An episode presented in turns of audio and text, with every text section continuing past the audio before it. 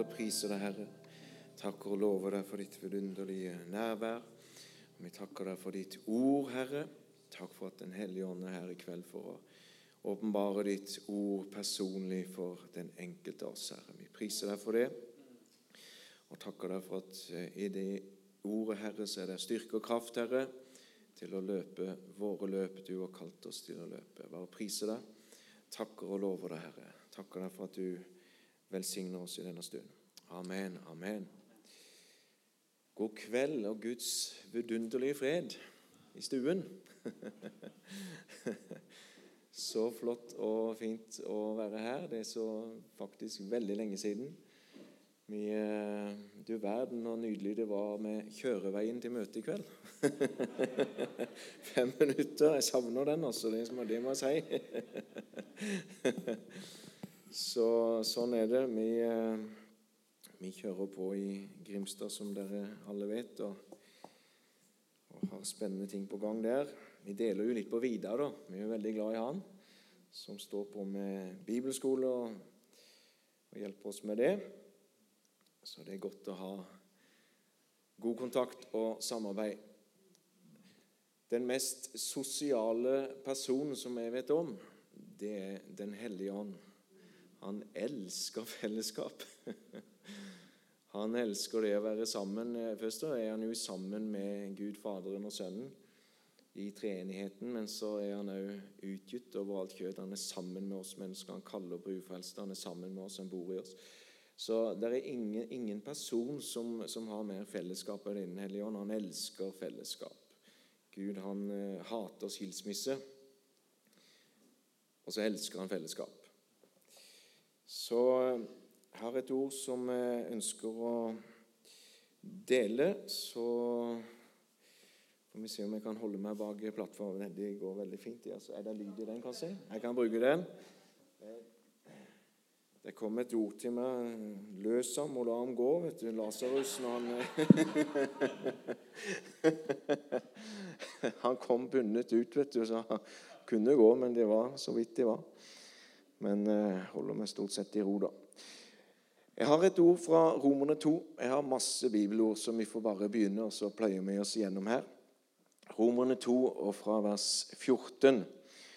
For når hedninger som ikke har loven av naturen, gjør det loven byr, da er disse som ikke har loven, seg selv en lov. De viser at den gjerning loven krever, er skrevet i deres hjerter. Om det vitner også deres samvittighet og deres tanker, som innbyrdes anklager dem eller også forsvarer dem på den dagen når Gud skal dømme de skjulte hos menneskene etter mitt evangelium ved Jesus Kristus. Og Det som er parolen for prekena i kveld, er det at den skjulte verden er mye viktigere enn den synlige verden. Og Det er forunderlig man, når man tenker på, på, alt det vi ser. Det har først vært en tanke i noens hjerte før det ble skapt. Sånn var det med Gud når han skapte verden på seks dager. Så ser vi resultatet den dag i dag.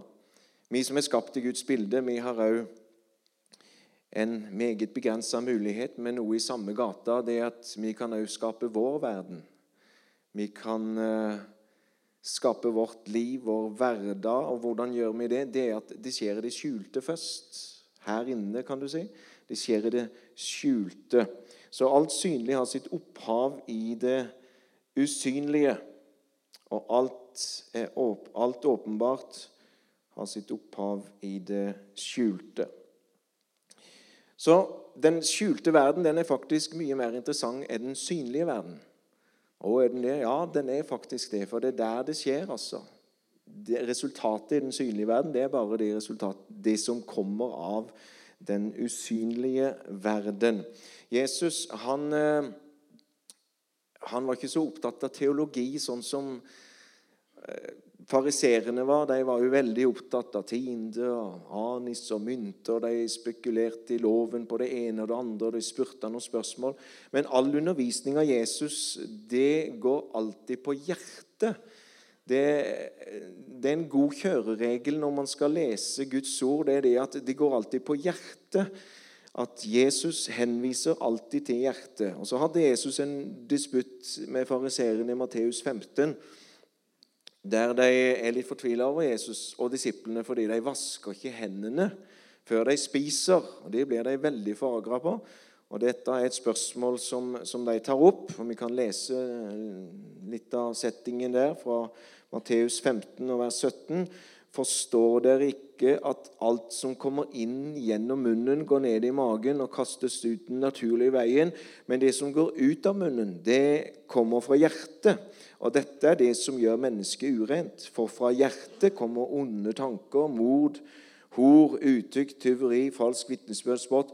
Disse tingene er det som gjør mennesket urent. Men å ete med uvaskede hender gjør ikke mennesket urent.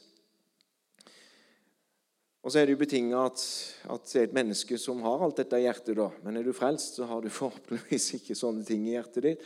Men poenget til Jesus det var det at han ble litt irritert på dette her som hadde bare med det utvortes å gjøre, for det var fariserene veldig flinke til. De gikk i fotside kapper og kjortler, og de var så pene og fine i tøyet. Og så kommer Jesus vet du, med en sånn skikkelig tornadotale til deg. vet du, At 'dere hvitkalkede graver', sier han. 'Inni er det bare råttenhet'. Kan du tenke deg for en preken, altså? Da hadde jeg, da jeg smøget meg ut fra bakerste benk og ut tenkt at oi, her ble det klein stemning. Og det ble skikkelig klein stemning når Jesus dro den der. Jeg har aldri hørt Egil Svartdal på den linja, kan du si. Det er liksom det, det, det er kraftige saker, det der. Og Det ble veldig klein stemning. Men det som var greia, det var, vi tenker jo at det var jo ganske fornuftig å vaske hendene før man spiste. og sånn. Jeg har hørt at det gjør det ute i Arendal og Grimstad. sånn. Vi frolendinger vet ikke om vi er så flinke på det, men nei. men, spesielt etter koronatida da, så vet vi jo det at det er viktig å vaske hendene sånn rent hygienisk. Men det det var ikke det som var greia for fariseerne. Det var det at de hadde lagt seg opp ei merkelig greie, en slags teologi på at i løpet av hverdagen så kunne du være borti urene ting. Du kunne faktisk få onde ånder på hendene, altså demoner som hadde festa seg på hendene eller fingrene. Og Når du spiste det, så kunne du få demonen inni deg. vet du, og Derfor så måtte du vaske hendene i et rent religiøst ritual, sånn at du ble åndelig ren. Og Det var jo bare noe svada. Jesus han tar tak i det og sier at du blir ikke uren av det du spiser, det som kommer inn. Du blir ikke uren av det, sier han med tanke på mat, men det er det som kommer ut ifra hjertet. Og der, inni hjertet, der er det jo skjult. Det er jo bare Gud som vet hva som bor i et menneskes hjerte. Og forhåpentligvis så vet du sjøl en del om det som bor der. Gud vet jo enda mer om det som er i den enkelte sitt hjerte. Men her inne, på godt og vondt, så er det noe som er skjult, og det er her alt blir til. Jeg var inne på dette her at Gud han hater skilsmisse. Det står det at Eh, i Matteus 5,27.: Dere har hørt det jeg har sagt, du skal ikke bryte ekteskapet. Mens jeg sier dere, hver den som ser på en kvinne for å begjære henne, har allerede brukt ekteskapet med henne i sitt hjerte.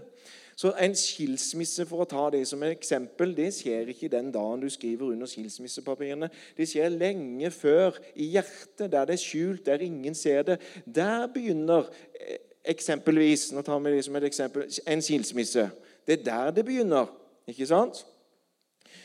Og det er, jo, det er jo veldig spennende, det er veldig interessant å vite det at vi som mennesker skapt i Guds bilde, vi har en enorm påvirkning på å skape vårt eget liv, vår egen hverdag, vår egen verden. Fordi vi er skapt i Guds bilde. Han skapte sin verden, og vi har en evne til å skape vår verden.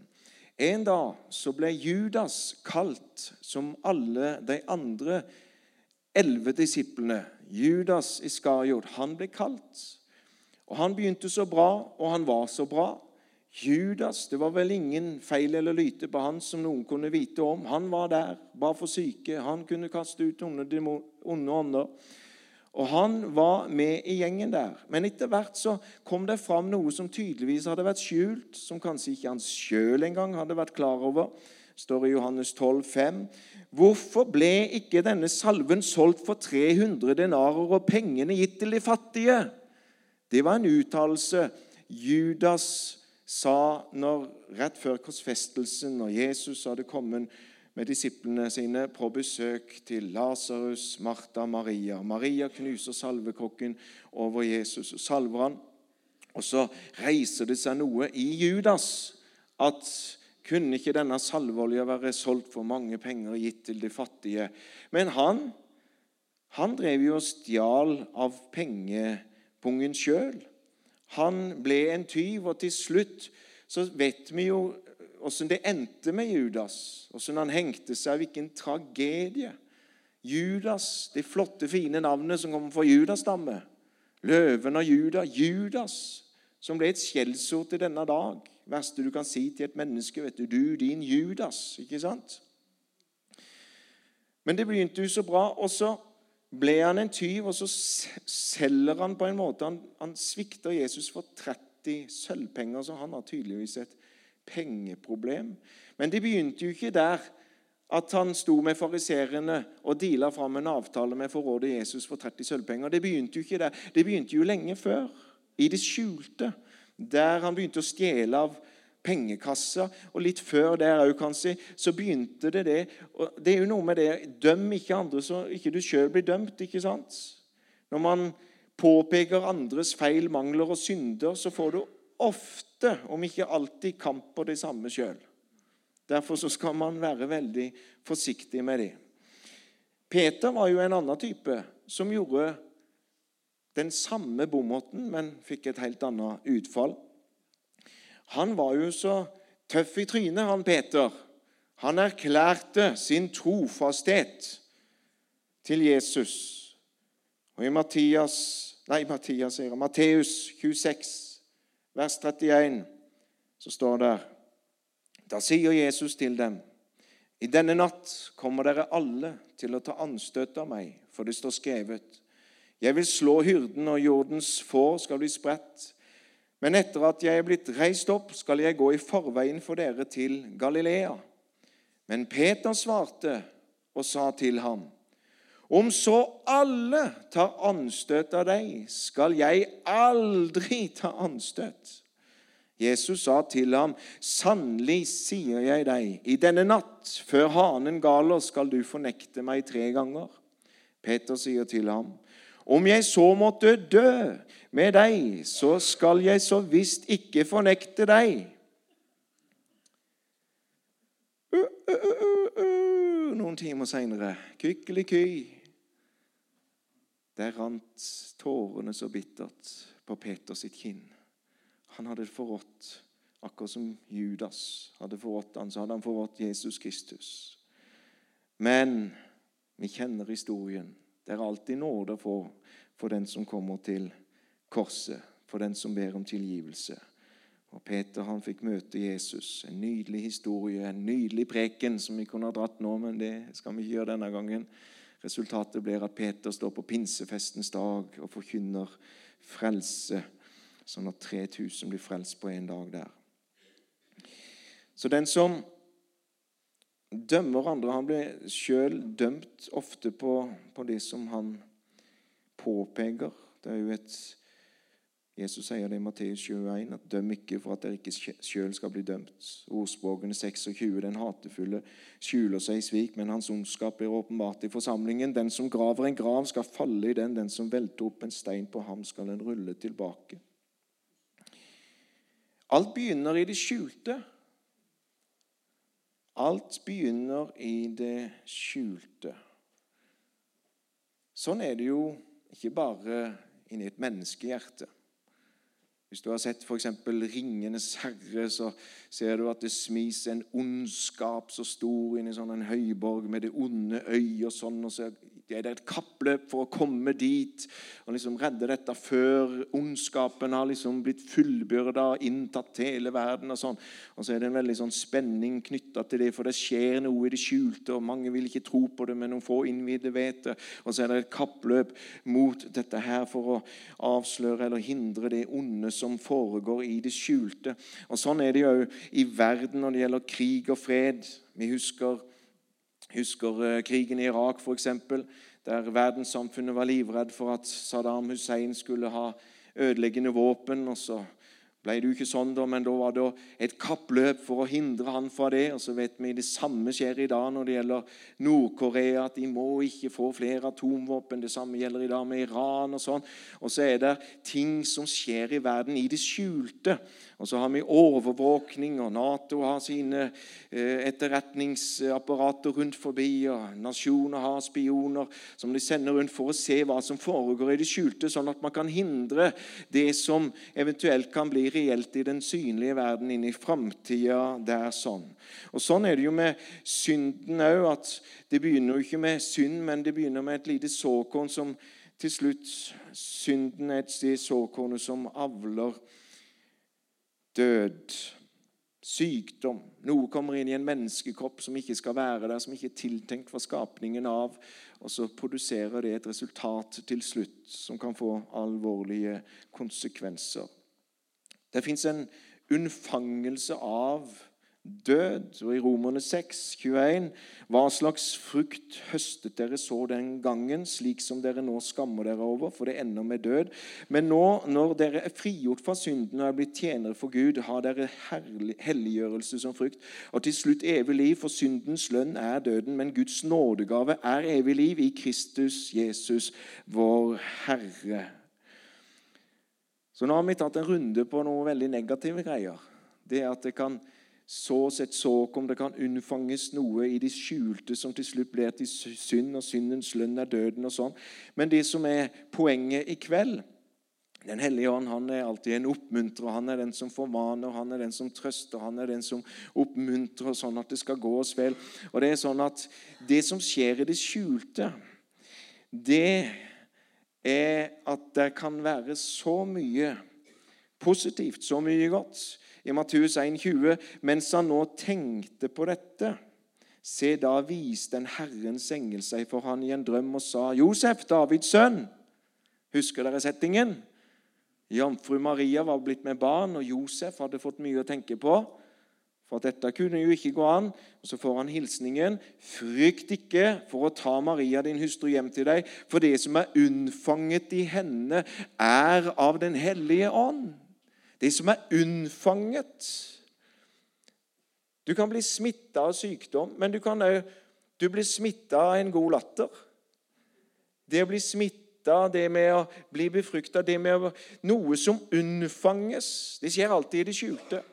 I det naturlige, i det biologiske. Når et barn skal fødes, så er det ikke bare det at bang, så er det der en dag, men det har skjedd noe ni måneder før, og så er det en unnfangelse, og så er det en prosess som gjør at en dag så står det et synlig resultat og så er det ganske mange hjerter som sitter på stoler her inne i kveld. Og alle oss som er her inne i kveld, jeg tør våge å påstå at Gud har gitt noe til alle sammen. På et eller annet tidspunkt så er det unnfanget noe som er gitt av Gud. Av drømmer, av kallelse, av visjoner, av strategier, av forskjellige ting som er gudgitt, og som er lagt ned som en unnfangelse, og som ligger der i det skjulte, som ingen andre vet. og Du aner det kanskje sjøl og vet godt om sånne ting, men der er det skjulte. Det er der det viktigste foregår. For lenge siden, for mange år siden, da jeg begynte å reise sånn på alvor ut med evangeliet, sånn, så, så, var det jo ikke noen himmelpartner. Men en dag jeg var i bønn, så ser jeg himmelpartner skrevet med bokstaver. Vi har jo blå logo, men det var røde bokstaver som jeg så i dette synet. Det var skrevet. Og Jeg var inne og googla med en gang. Er det ledig? Er domenet ledig? Det var ledig. Sånn at himmelpartner i dag, når vi reiser rundt med evangeliet og sånn, det er jo ikke noe som bare bang sto der. Men de ble danna, de ble unnfanga på et tidspunkt i det skjulte. Og så ble de født. Og alt det som er født av Gud, det seirer over verden. Og hva er det som seirer over verden? Det er vår tro. Og sånn er det med Guds ord, at de virker til frelse i ufrelste menneskers liv. Så blir det sådd et ord. Så man gikk ut for å så, noe falt på steingrunn osv. Men de som falt i god jord, det vokste fram masser. Alle bilene vi ser i trafikken hadde ikke vært der i dag om ikke det hadde blitt en tanke i det skjulte i en kar for eksempel, som heter Henry Ford på jeg vet ikke, 1800-tallet en gang. Slutten av 1800-tallet eller noe sånt. Så var det tanker som vokste fram om et kjøretøy som kunne bevege seg uten hestekraft. altså. Og I dag ser vi resultatet, men hadde ikke det kommet først i det skjulte, så hadde vi aldri fått sett det i det fysiske. Men det som skjer i det skjulte, det er det som er interessant. For det er det som skaper vår tilværelse, det er det som skaper denne, denne, verden. Det er det som skaper i politikk, det er det som skaper i den finansielle verden. Det er det som skaper på alle lag i vårt samfunn. Det er det som skaper i våre individuelle liv. Hvilken makt som er oss gitt, og hvilken mulighet. Jeg husker nå skal dere få et innblikk. Nå skal det opp i dagen en del en skjult ting her. Noen vet det, altså, for det er dere som, men ikke alle. for det er kanskje noen som husker det. Men nå skal dere få en historie fra gamle Misjonskirka. Bygget der oppe. Fasten your seatbelts, altså. Og det var en gang der er, der er, sikkert en del nye fra den uh, generasjonen som var der, men de aller fleste tror jeg har vært med på den reisen fra gamlebygget i Misjonskirka. Og da var det sånn at uh, På den tida der så, så, hadde vi jo Gledesropet. Det var det som var koret i tiden den gangen. Det var skikkelige saker. vet du. 100 mann på plattformer. Og det var fullt trykk. Jeg husker jo Jorunn kom jo til meg og, og spurte om å bli korleder. Nja, jo, det var jo ikke helt overbevist om. Men så reiste jeg inn på en eh, Var det Pinsevennenes 100-årsjubileum, eh, tror jeg det var, hvis jeg ikke husker feil. I, eh, I, Oslo Spektrum, og der var det en som het Tommy Barnett. Og hadde vært i dagevis i bønn. vet du, 'Gud, skal jeg bli korleder? Skal jeg ikke bli?' Skal jeg, sånn.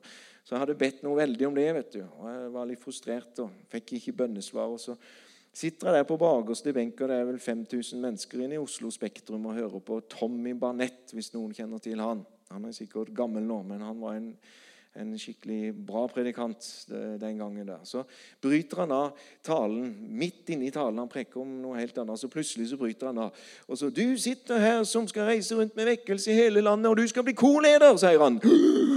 Og så tenkte jeg kan ikke ha snakka med Jorunn, han der. Altså. Så da torde jeg ikke annet enn å bli korleder. Altså. Så jeg vet ikke om det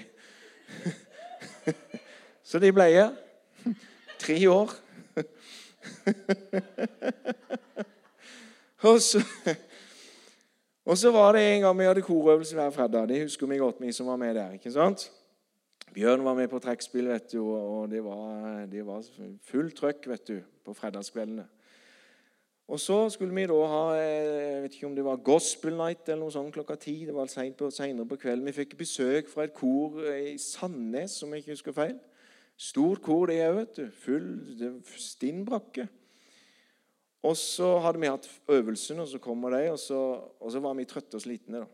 Åh, nå skal det bli godt å ta kvelden. Vi hadde holdt på i mange timer. Og sånn. Og så kommer Mariann, vet du. Daland. Alle kjenner hun her. Ikke, vi må ta to sanger, vi òg, før de skal synge. Nei, det gidder vi ikke. Vi var så trøtte og slitne. Og Yngvar og Basse og spilte. vet du. Nei, det, det vil ikke det, og jeg vil ikke heller. og nei, vi, vi gjør ikke det. Og hun maste og maste. Du vet hvordan kvinnfolk er. De får alltid vilja si. Og vi motvillige, så til slutt så Ja, vi får gjøre det, da. ikke sant? Sure og gretne. Ja, vi må ta en sang som fenger. og ville nok imponere dem og vise at vi hadde òg et bra kor. Og det hadde vi jo. Så det var jo fint å imponere dem fra Sandnes. da, ikke sant? Det var noe av de som var hensikten. da også. Og så, men så tenkte jeg i elendet her så må vi ha det litt gøy òg. Så vi gikk ned i kjelleren vet du, på kjøkkenet der i gamle misjonskirka. Der var jeg, jeg husker ikke hvem det var. så jeg vet ikke. Kanskje du var med på det, Gunnar. jeg husker ikke, Men vi var en tre-fire gutter der. Og Roy Sveinungsen og så tenkte jeg nå må vi få litt uh, sprit opp litt her, for vi skulle synge 'Det strømmer glede'. Uh, vi var altfor glade, kan du si. Vi, var, vi ville hjem. og så de strøm og glede. Full trøkk. Skulle ha den beste sangen, vet du. Det var sangen i tiden. Den funker kanskje ikke i dag, men den gangen så var den skikkelig rocka, den. Og Roy hadde solo, gitarsolo på De strøm og glede. Så vi sa det at du, Roy, kan ikke du bare sprite opp den soloen der? og så Når du kommer til partiet du har solo, så bare løper du fram. Sklir på knærne ut i midtgangen. Så tar du akkurat som en sånn 50-talls rockebabaluba, vet du, og så renger du opp solo på den sangen der. Nei, det ville han jo ikke. Han ville ikke dumme seg ut på det der. Jo, kom igjen, hvor mye skal du ha for det? Nei, det var, også samler vi sangen 20-kroninger, da, vet du. Og så hadde han en neve med 120 kroner. Ja, det var det greit. Da skulle han gjøre det. Så han solgte sitt gode rykte for 120 kroner. Det skjedde i det skjulte. Ingen visste om dette her der oppe i salen. Mariann visste ingenting. Det skjedde i det skjulte. Tre-fire stykker gutter la en veldig sånn snedig plan, altså. Men i det skjulte, det var der det ble unnfanget. der ble planen født. I det skjulte. Og det skulle snart lanseres der oppe. Og Jeg husker jeg gikk opp alene opp trappa. Den der trappa vet du, opp i, i, mørket der. Så gikk jeg opp der, og så knakk jeg sammen i latter. vet du. Jeg sto og lo så greier, for jeg så det jo. Jeg er såpass profetisk at jeg ser det veldig detaljert. Jeg så det. Og det var sånn skrekkblanda fryd, vet du. Kan det bli så galt at jeg ble ekskludert fra, fra hele kirka og Misjonsforbundet, liksom? Det ble, dette, kan det gå så galt? For det var jo skummelt. Det var skikkelig skummelt å gjøre noe sånt. Så jeg sto og lo, folk gikk forbi, skjønte ingenting. Og jeg sto, og så stilte koret seg opp, vet du. Og de sang, vet du, og jeg sto og dirigerte, og tårene rant. Jeg lo og jeg lo og, og, og rista og lo lydløst. Og koret sang vet du, og kikka på meg og tenkte Er han blitt helt på jordet? Ingen visste noe. Det var det lå i det skjulte fortsatt, ennå ikke åpenbart. Og jeg lo og jeg lo, og jeg venta og liksom Blodtrykket mitt steig jo nærmere vi kom. liksom Første vers, refreng, og nå kommer soloen snart. nå kommer det. Roy sto bak ei stor bregne der sånn. Og han hadde hatt ekstra lang, lang jack-kabel.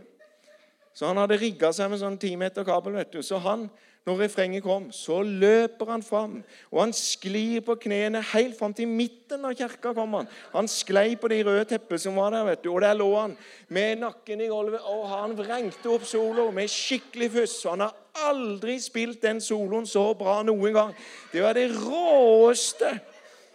Og folk fikk sjokk, altså. Og Jeg spurte Roy Harald, som sto i koret, hvordan så det ut Hvordan så det ut med forsamlingen. liksom, Hvordan reagerte de? Først så står det ut som de hadde falt ned fra han. De var helt sjokka. Etter hvert så roa de seg ned, og så så det ut som at de skjønte det at Oi, han der mangler to kroner på en hundrelapp. liksom. Han der er ikke, han er ikke helt god, så det er greit, liksom. Og eh, Alle begynte å le, og alle lo, og koret lo, unntatt Mariann. Hun var ganske stig i blikket. da, vet du. Så vi hadde det gøy, alle unntatt hun. Så det var skikkelig Men du vet, jeg må jo dra sånn en historie for at du skal huske poenget for i kveld. vet du. Det er det at det begynner alltid i det skjulte. Egon Olsen han har alltid en plan. Det begynner i det skjulte. Så Ja. Så jeg skal stoppe der. Jeg har en til, men den kjenner jeg at den Det blir for drøyt. Men vi skal Nei, nei, jeg kan ikke gjøre det. Jeg skal Du vet da Det skjer der i det skjulte. Jesus, han sier det. Kan be om Stefan kan være litt rolig.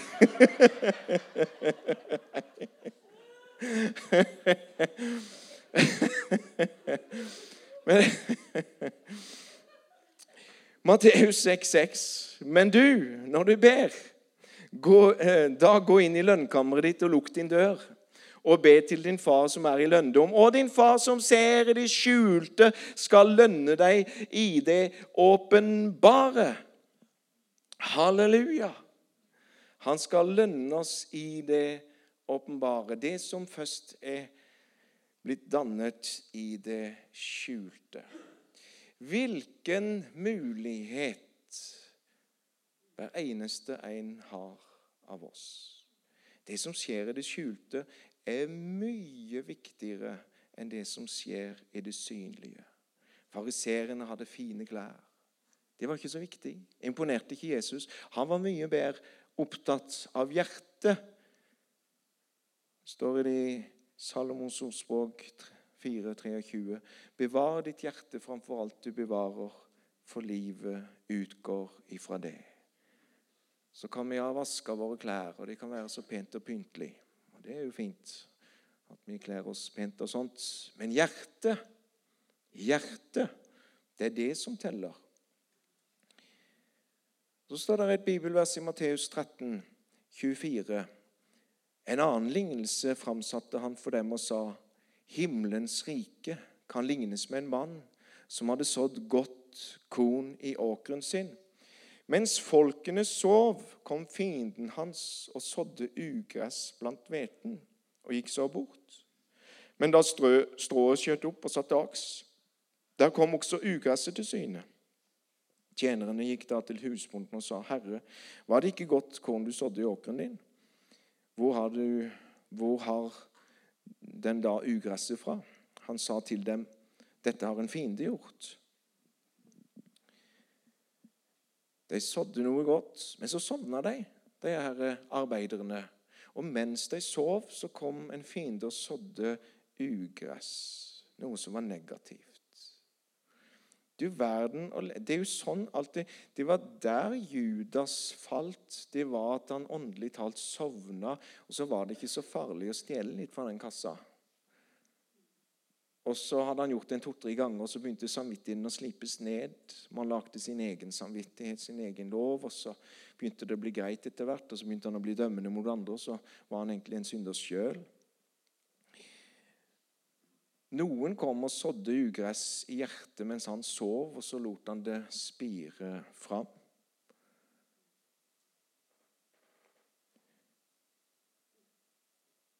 Men vi har Jesu blod over våre liv. Djevelen kan aldri komme inn i våre liv om ikke vi tillater han.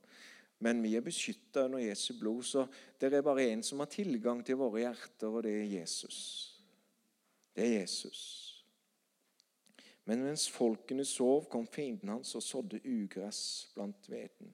I går så hadde vi en veldig koselig lørdagskveld. Jeg og Maria og Eva. Det var hun som bor hjemme nå, så. Vi spilte Monopol.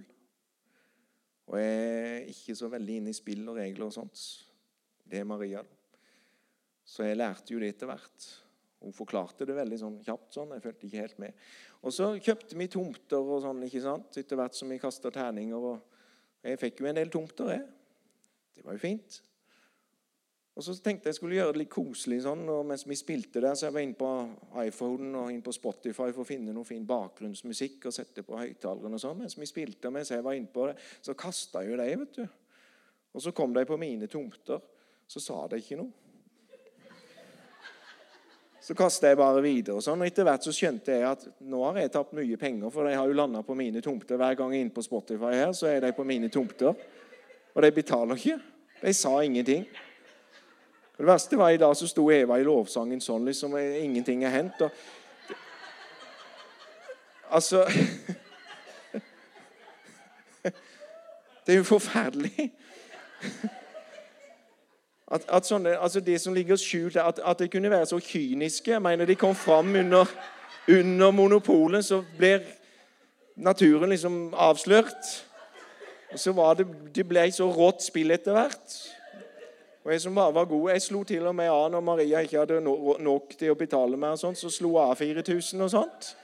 Det er jo ingen som gjør det i monopol. vet du. Det er om å gjøre å knuse den andre. Så blir jeg møtt med, med, med, med det sjøl. Men, men, når skjedde det at jeg tapte penger der? Det var mens jeg var på mobilen. Med andre ord, det ble sådd ugress mens jeg sov. mens jeg sov, så Mens jeg var der inne og skulle ha noe koselig musikk. Jeg satt på Askepott-musikk. Det, det, er noe av det fineste jeg hører. Og det var takka for å skape god stemning Men sånn er det òg med hjertene våre. at når vi blir åndelig søvnige eller sløve, om du vil, så er det lett for fienden å komme og så ugress der når vi er uoppmerksomme. Og så kan det vokse fram. Derfor er det så veldig mye viktigere å ha orden i den usynlige verden framfor den synlige verden. Det er ikke så farlig å ha en litt rotete bil. Det er fint å ha ryddig bil eller ryddig rom eller hus. og sånt der. Men det viktigste det er det å ha orden i sitt eget liv, inni hjertet her. For Gud er nådens Gud, og han lever i han, han, Helligånd flyter, hans kraft. Det er akkurat som, som vann det flyter i visse gater og leier, elveleier, og da må det være ordninger han flyter i. Sånn er det i menighet med autoritet og lederskap osv. Så sånn er det òg med orden i det personlige livet. og sånt. Så Den hellige ånd han flyter i sånne ting, og der må det være orden. Men vi skal avslutte ganske straks. så Det er det som er at nå har vi vært inne på litt sånn der, eh, de som kan være farlige og negativt, og syndens lønn er døden, alt det der òg. Men de som, og det må vi være, vi må alltid ransake oss. Men så er det heldigvis noe det mesteparten er gode såkorn som kommer fra Guds ord, som kommer fra Gud i himmelen, som kommer fra Den hellige ånd, som blir lagt ned i våre liv. Og Det skal vi avslutte med å ta litt tak i helt på slutten her nå. For det at vi ser så smått og så lite på det som Gud taler, for det at vi opplever at han taler så svakt at vi av og til blir i tvil. Er det Gud? Og så gjør vi ikke noe med det. Men så er det unnfanget noe ifra Den hellige ånd, akkurat som i Maria, nei, jomfru Maria, om du vil. Men i, våre, i vår ånd da, så blir det òg unnfanget noe som er fra Gud, som er guddommelig, det som seirer over verden. Det er kallelse på våre liv. Og så kjenner vi på en kallelse kanskje hele livet uten at vi egentlig tør å føde det fram. Og så er det akkurat som barnet kommer til modersmunn, men det er ikke kraft til å føde. Og så har vi gått ikke ni måneder liksom svanger med kallelse, drømmer, visjon, tiltaler, strategier, men vi går mange år, kanskje. Og av og til så aborteres det som er unnfanget inni oss, inni det skjulte, som ingen ser, men som vi bare skal få lov å vanne og bare drikke av kilden. Og så kjenner jeg så sterkt nå at Den hellige ånd er midt iblant oss, for det er jo ikke tilfeldig noe møte er jo ikke tilfeldig, og ingenting som Gud gjør, er på måfå. I kveld så er det viktig, noen viktige minutter som vi har her nå, til at vi kan la Guds ord søkke inn. Til ettertanke. Er det noe ugress som er sådd, så vil vi fjerne det. Så ikke vi havner opp som andre har gjort. Tenk noe så grusomt som Judas, da.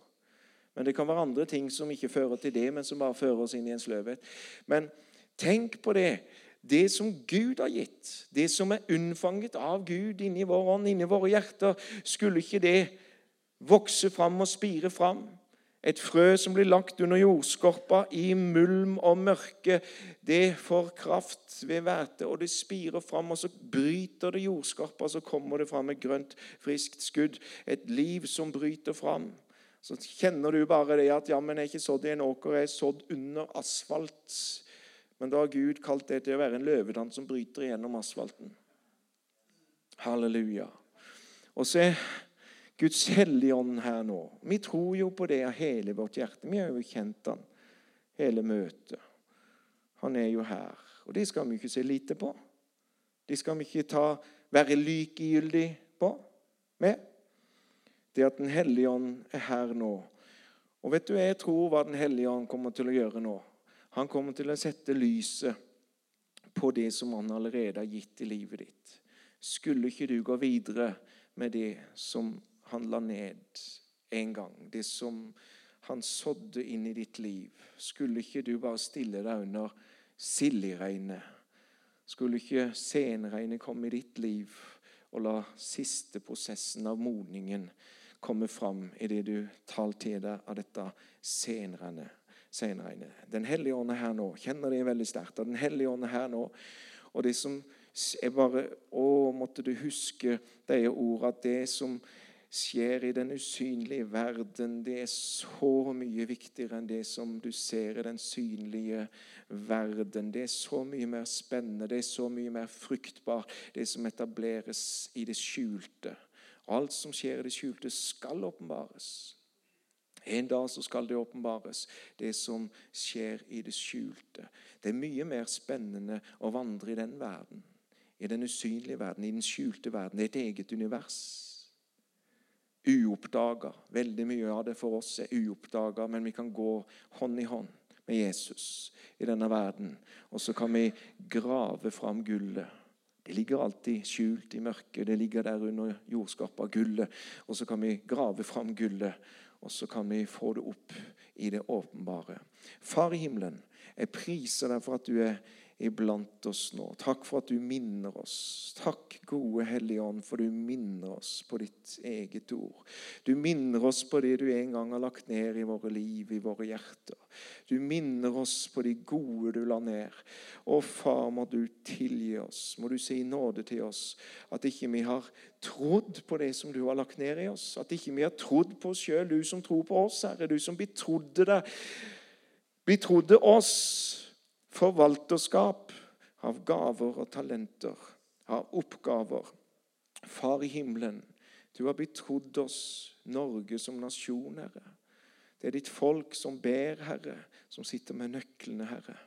Far i himmelen, jeg priser deg for Froland, Herre. Jeg takker deg for Sørlandet og omegn, Herre. Jeg takker deg for bare her inne i salen så sitter det nye åndelige oppfinnere, gründere, folk som kan bryte igjennom fordi at det er mottakere av det som du har unnfanget, det som du har lagt ned, Herre. Far, måtte det spire fram, måtte det vokse fram, Herre, de tankene som er gitt fra det, Herre, i Jesu Kristi navn. Amen. Og i sånn en hellig stund så vil jeg bare si noe veldig viktig. Det er det at jeg tror alle har fått noe fra Gud, men noen har kanskje kommet inn i egen kraft, egne tanker og lagt på seg egne byrder. Dette her med at 'å, jeg skal gjøre det, jeg skal prestere det'. Det er ikke noe Gud har gitt, det er bare en prestasjonsgreie for å imponere deg sjøl eller andre eller Gud. Det er ikke noe som Gud har gitt, og det er døde grener. Og akkurat her og nå vil du gi Jesus tillatelse til å skjære bort døde, brune grener, sånn at treet ditt kan være bare friskt og grønt. For det som er lagt inn i livet ditt av deg sjøl, de tynger, de bremser Tenk å leve på en forførelse eller en løgn hele livet at du har kalt til å gjøre noe du ikke har kalt til. Det er jo grusomt. Det er jo en bremsekloss i livet. Tenk å fri man blir. Den sønnen får fri og blir virkelig fri. Tenk å fri man blir når man kan legge bort alle sånne ting. Og så sier vi som slagordet til Rema 1000 at det enkle er ofte det beste. Det er det mest kraftfulle. Å leve et enkelt liv. Og ikke la det være komplisert, men legge bort alt som ikke bærer frukt, og satse alt på det som bærer frukt. Så deilig å leve, da. Så deilig å leve. Skal vi be en bønn om at Den hellige måtte vise om det var noe i ditt liv som ikke bar frukt, som du bare kan klippe av, så jeg hadde til å gå videre uten den byrden. Så skal vi be en bønn om det, og så skal vi be en bønn om at det som er sådd og lagt ned av Gud, de skal bryte igjennom. De skal fødes fram, det som Han har gitt i det skjulte. Far, i Jesu navn så må du bare vise oss ting. Om det er praktiske ting, jordiske ting, timelige ting, åndelige ting, sjeliske ting. Hva som helst som ikke bærer frukt i våre liv. Vis oss det, sånn at vi kan bare ta saksa og klippe det av nå i Jesu navn. Far, jeg ber i Jesu navn om at du må vise oss det som du har gitt oss. Om det bare er et lite frø, vis oss det, sånn at vi kan være bevisste, og at vi kan vanne det frøet fram til å bli en grønn vekst i vår liv. I Jesu navn. Amen. Amen. Amen. Takk og lov. Ja. Takk og lov. Er det lov å ta litt ettermøte her, eller har du en liten Ja. ja kom igjen. Ja, ja, ja. Kan vi ikke bare være med i lovsang om du sitter eller står, og så, så bare priser vi Jesus. Bare ta en stund i lovsang her. Og Du som kjenner at du har lyst til å ha forbønn, du er hjertelig varmt velkommen fram. Skal vi be for det, hva enn det skulle være for noe. Så jeg bare kjenner på det at eh, noen her som har problemer i sitt åndelige liv. Så er årsaken ernæringssvett, så det er veldig lett å løse. Det er bare å komme tilbake til kilden og drikke. Amen. Så er det den bøygen og så gjøre det. Fordi at Fordømmelsen er sånn en bremsekloss som gjør at man tror det skal ta så lang tid å komme der du var igjen. ikke sant? Bare tull. Du kan all in i samme siden. Med en gang så kan du begynne der du slapp, på høyden sist gang. Du kan komme ut av dalen, og så kan du komme opp på toppen igjen i et nu i kveld. Amen. Hvorfor det? Fordi Den hellige ånd, han er her. Han er her. Amen. Amen. Takk og lov. Blir jeg tilgjengelig her, og så kan du komme fram, og så ber vi sammen om du trenger det.